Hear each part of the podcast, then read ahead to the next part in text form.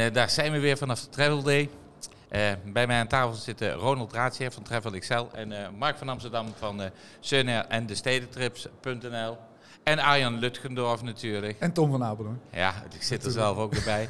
nou, um, ja, waar gaan we het even over hebben?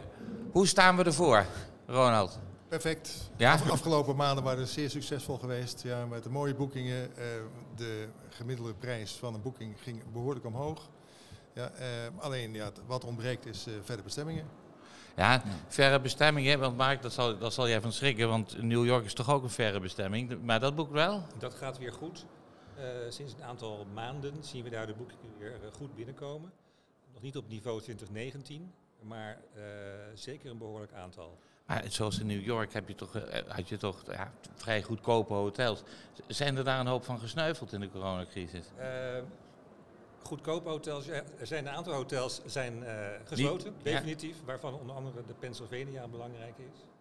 Dat was een goedkope hotel. Ja, en, en tegenover Madison Square Garden. dat is echt een ontzettende icoon was dat eigenlijk in het toerisme. Klopt. Oerlelijk, maar daarom wel heel leuk.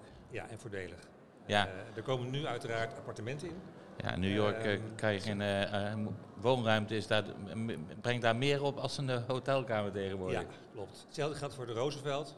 Nee, dat is ook al een iconisch hotel. Absoluut, ja. Dus dat, dat zijn twee hele grote. Als je kijkt naar andere bestemmingen, valt het erg mee wat er gesloten is. Okay.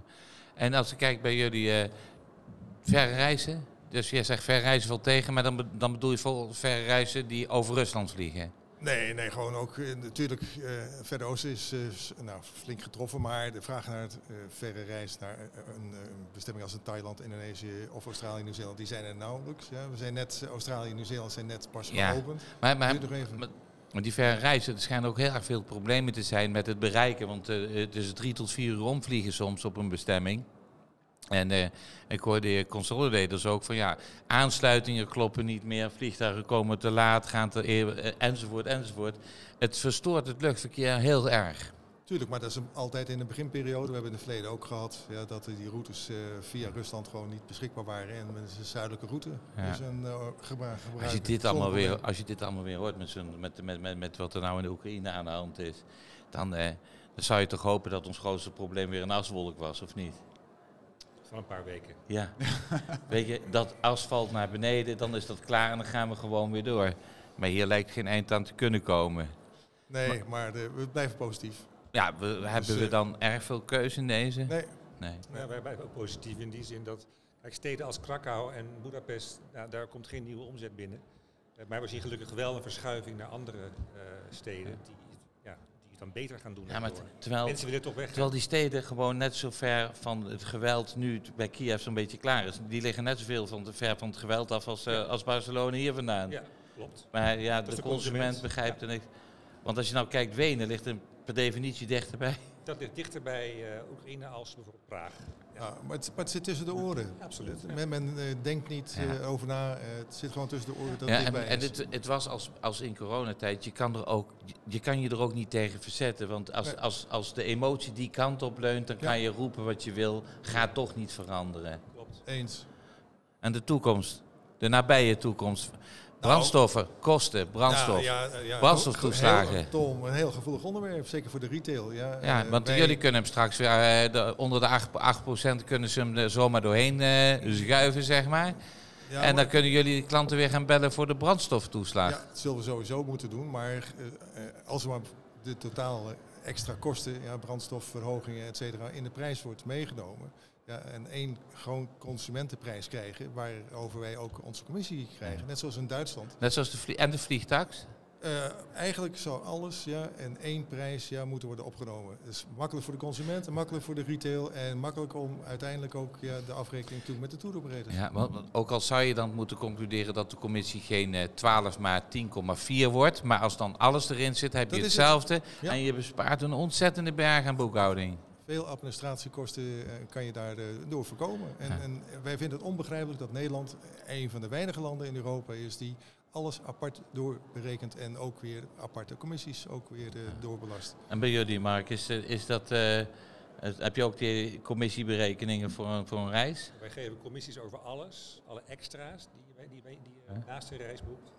Over de luchthavenbelasting en uh, eventuele brandstoftoeslagen geven we ook geen commissie. Maar waarom niet? Dat is, dat is de vraag. Waarom niet? Het de systemen zijn ook zo ingericht. Ja, maar ik, een systeem kan je veranderen, Mark. Klopt, dat klopt. Uh, dan zou je dus moeten gaan praten over een commissie die eerst uh, 10% was en dan uh, 6, 6 Dat maakt toch niet, maakt niet uit. Nee. Een paar euro verschil. De consument die zit daar niet mee. Ja, en waarom het dan zo moeilijk doen als toeroperator zijn? Ja, Kijk, de ene doet het wel, de andere doet het niet. Hè. Nee, maar wij vinden ook ja, dat algemeen ja, de touroperators ja, dat moeten doen. Dat is de behoeve van nou, wat Tom net ja, maar zei. Dat is ook een concurrentievoordeel. Als de een wel uh, commissie geeft over een brandstoftoeslag of een... Uh, een, een, een, wat, wat hebben die andere, wat Kaag nou wel bedacht, die, die uh, vliegtuig, vliegtax. Ja? Als je daar nou commissie op moet gaan, moet je toch wel commissie in, in, in begroten, zeg maar. En dan gaat je prijs, die radel omhoog. En die gaat nog meer omhoog. Maar procentueel maakt dat heel weinig uit voor de consument. Het zijn misschien een paar tientjes waar de, de prijs omhoog gaat. Ja, ja voor de commissie. Is, dat is natuurlijk de oude ziekte in de reisbranche. Dat we allemaal bang zijn dat het te duur zijn. Dat is natuurlijk altijd, van alle tijden. maar waarom dan niet in uh, Duitsland? De Duitse touroperators hanteren dat met succes. Hebben die ook vliegtax? Natuurlijk. Ja, heb je, ik ook hoorde van, uh, van de, dit weekend in Turkije. Weet je wat de vliegtax in België uh, wordt? Is geworden vanaf uh, eh, 1 april. En dat is geen grap. Voor kort bij 2 euro en voor ver 4 euro. ik denk dat ze meer geld kwijt zijn om dat geld te innen als dat het opbrengt. Ja, ja.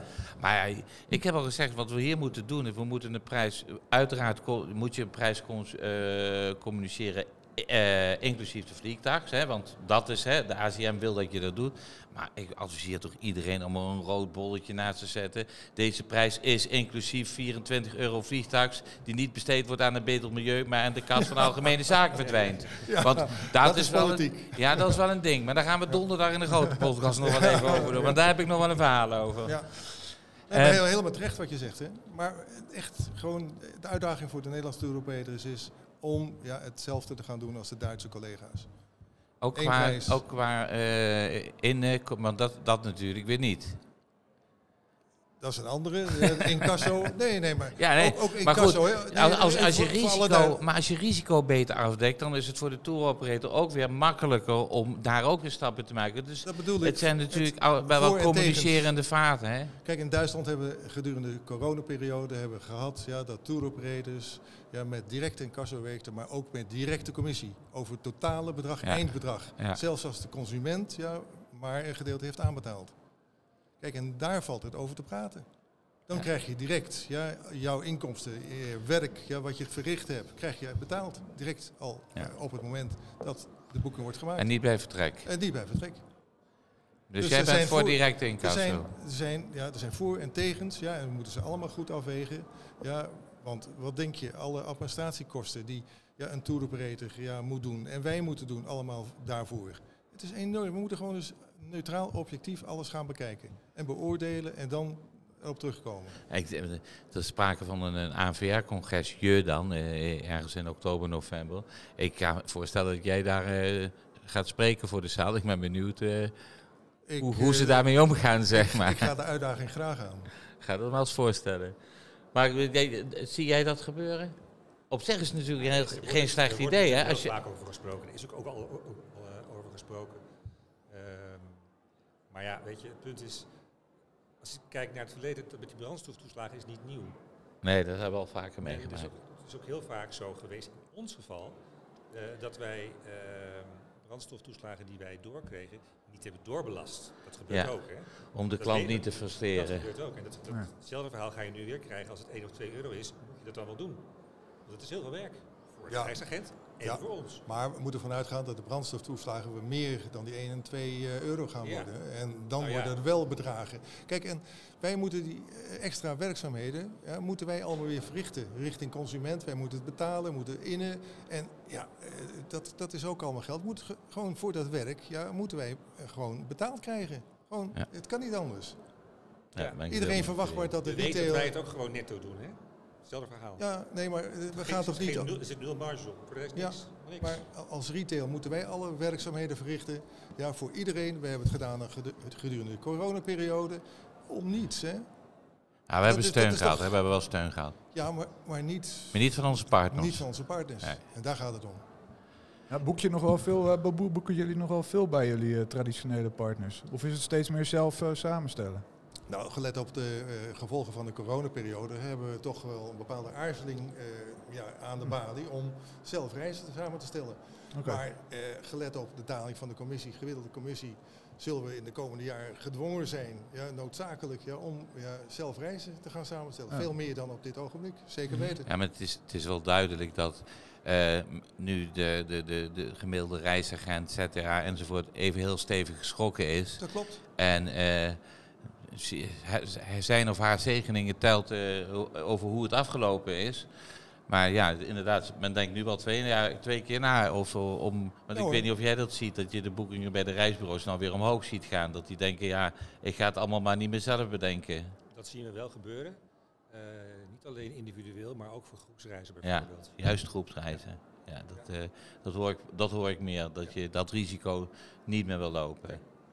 Hé hey mannen, het is, eh, we hebben er elf minuten over gedaan. Ik vind dat mooi. Ik, heb het, eh, ik ga niet met jullie delen dat we ook al een voorprogramma hadden, maar dat, eh, dat komt nog een andere keer wel. Ik dank jullie ontzettend voor jullie aanwezigheid. Ik heb beloofd voor 10 minuten te doen. Nou, 11 11.30 moet er kunnen. Dank jullie wel. Dankjewel. Dank u wel, Tom. Dankjewel. Tot de volgende.